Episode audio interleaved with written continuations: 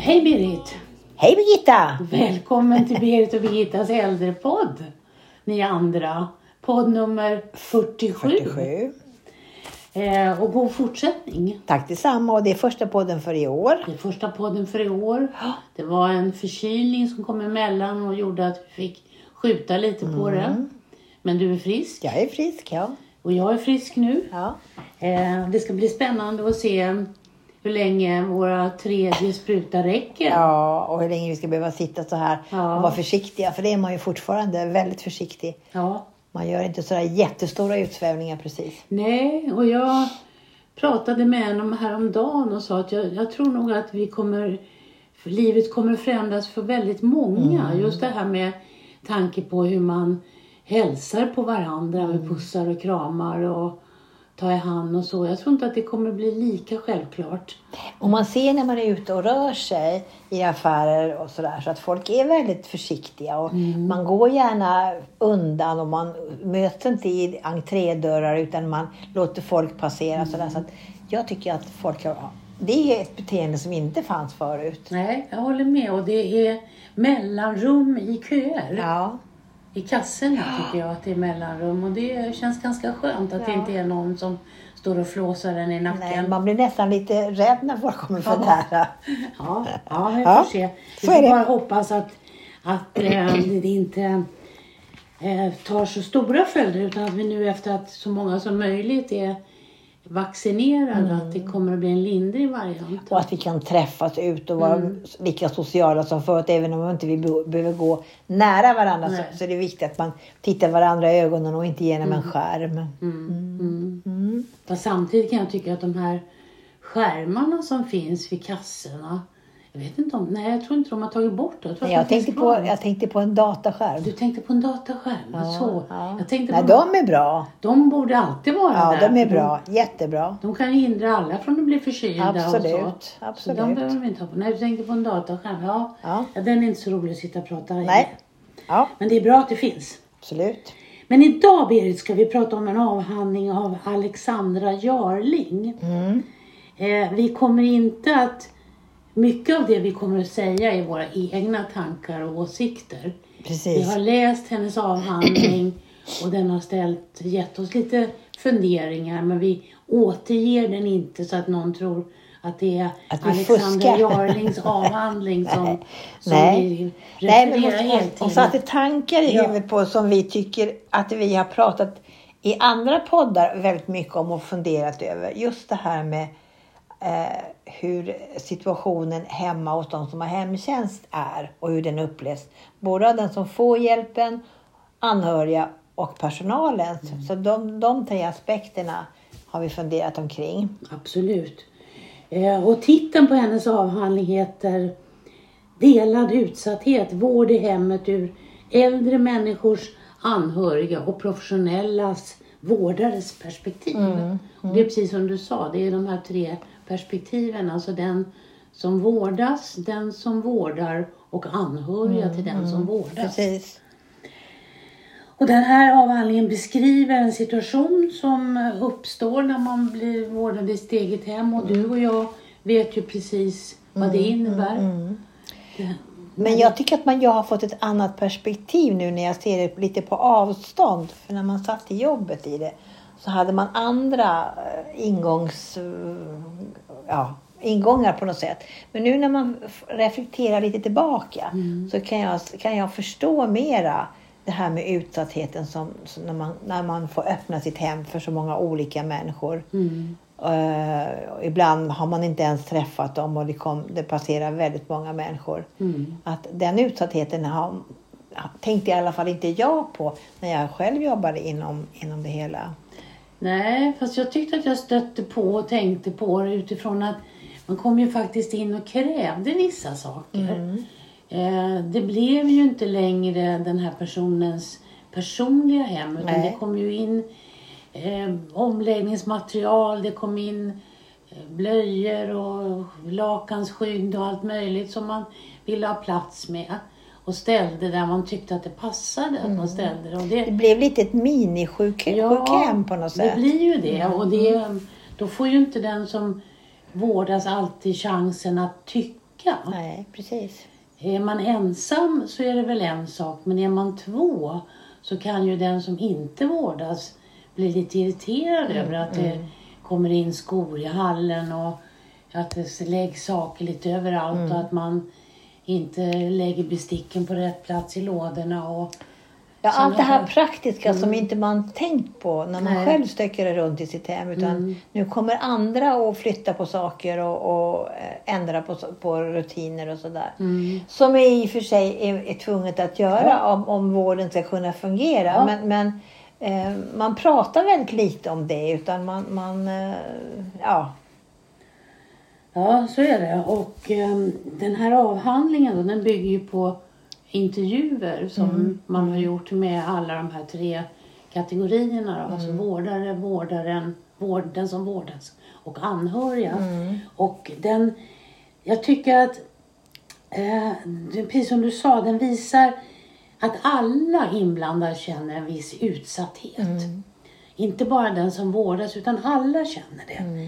Eh, Vårdpersonalen upplever att de inte har tid nog att erbjuda bra vård och omsorg och har många gånger dåligt samvete med att de inte hinner med. Och de äldre de känner att deras hem invaderas. Eh, och just det här att känna att det invaderas, det är ett väldigt stort ord. Men hon använder den i sin avhandling. Men jag tror att det är det det handlar om. Att man, man känner sig liksom att någon har tagit över. Eh, och, och, det, det, och det är svårt då hur man ska komma runt med det. Och därför krävs det ju då av personalen väldig lyhördhet och, och eh, förståelse. Och framförallt att man diskuterar med ja, de här alla tre parterna som är inblandade. Anhöriga, den vårdade och personalen. Att man får en samsyn på det hela. Men det är ju svårt när det är väldigt många olika människor som, som går ut och in i mitt hem. Men just det här att, att man upplever att man förlorar kontrollen över sitt liv. Och att man då som, som vård, vård, vårdtagare eh, känner skuldkänslor för att man utgör en belastning för sina anhöriga. Eh, och det måste ju vara en väldigt obehaglig känsla att känna att man är en belastning för att man behöver vård och omsorg i sitt eget hem. Och samtidigt så vill man oftast inte att anhöriga ska behöva hjälpa en. Nej. Eh, utan de vill ju då att professionen ska vara den som gör det, anhöriga ska göra andra saker.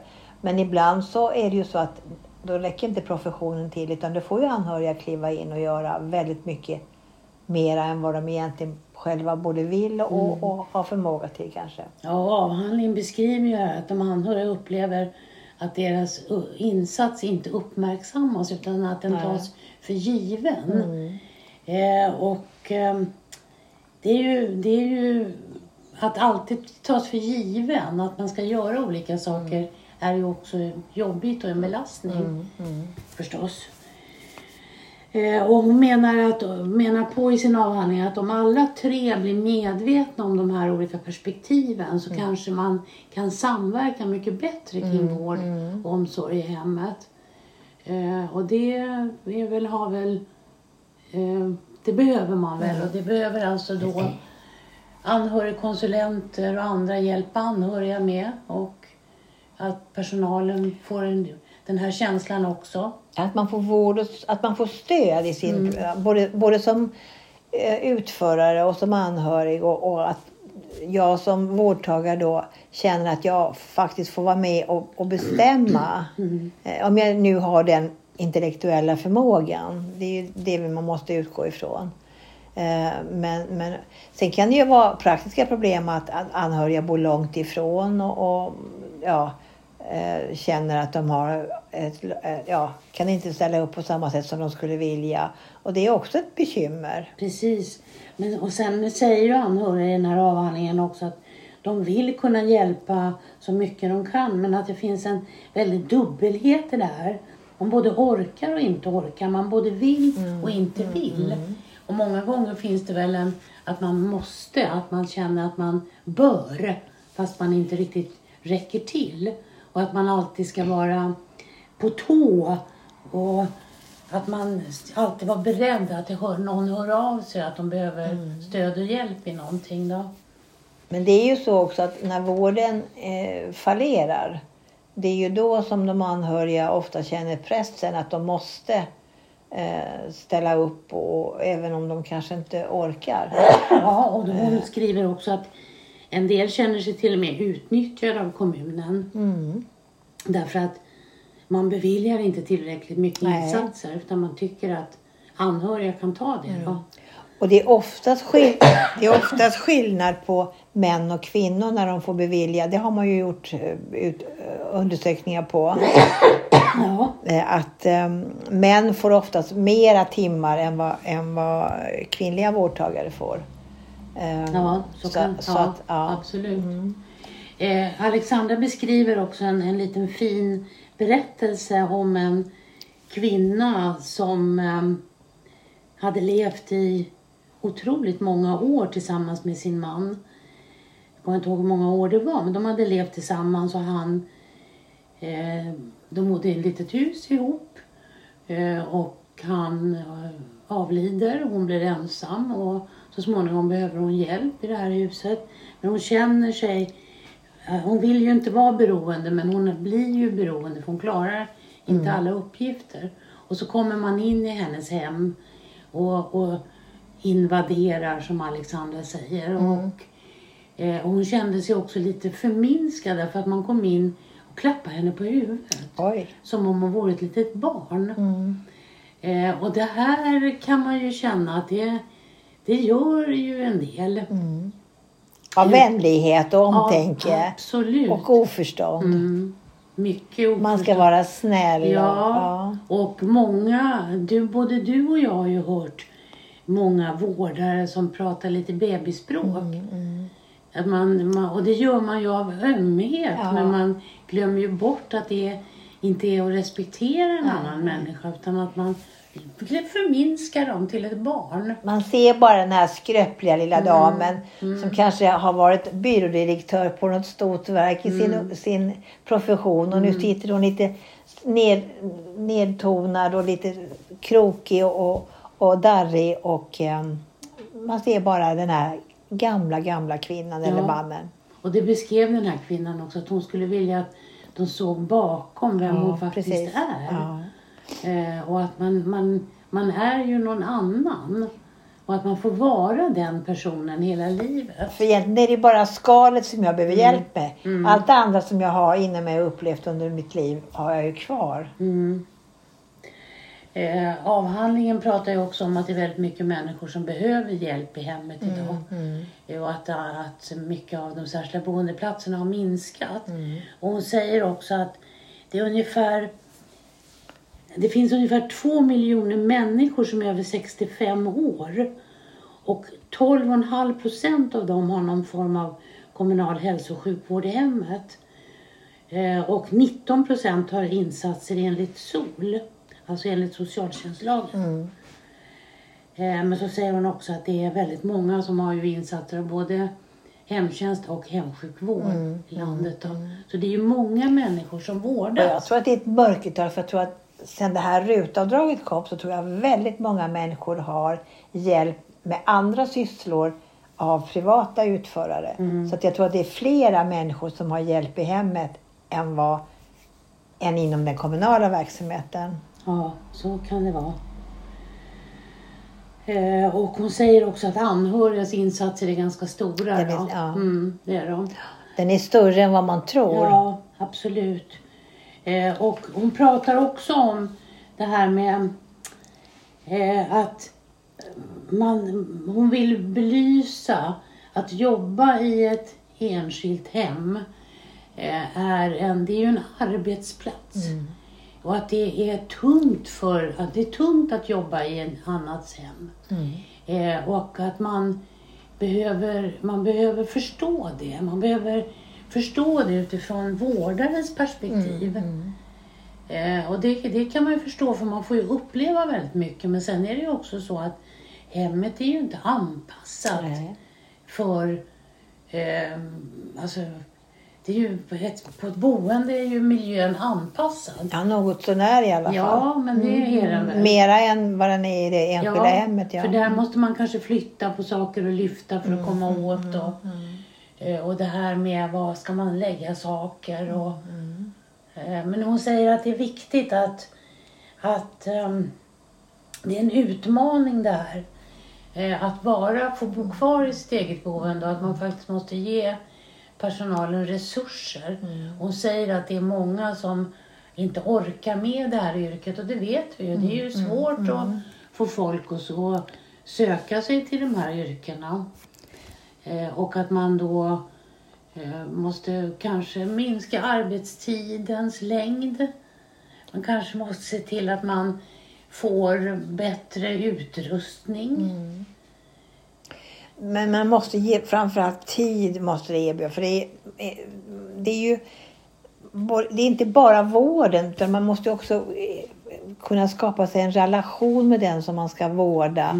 Eh, Det här mellanmänskliga mötet pratar hon också om. Och det är viktigt att, man, att personalen får, ges tid till, till ja, att, att jobba med allt det här. Mm. Så att, ehm, och, det, det, hon säger så här, behov av tid, resurser och kompetens Ja. är som, som saknas i allt för stor om, utsträckning när det gäller hjälp i hemmet. Mm. Och det är ju, det är ju så. Eh, Och hon, precis, ska vi få människor att jobba i hemmet så måste man anpassa arbetsvillkoren efter, efter det som är också. Jag såg häromdagen i tidningen en kvinna uppe i Norrland som stod i hon hade en arbetsdräkt på så hon hade byxor och en sån här busarong, kortärmad busarong. Stod ute i kylan och sa när är det dags för oss i hemtjänsten att få anpassade kläder? Och så skrev hon att eh, männen skulle aldrig, män som jobbar så här skulle aldrig eh, gå utan arbetskläder som vi gör. Och så sa hon, vi går ju mellan.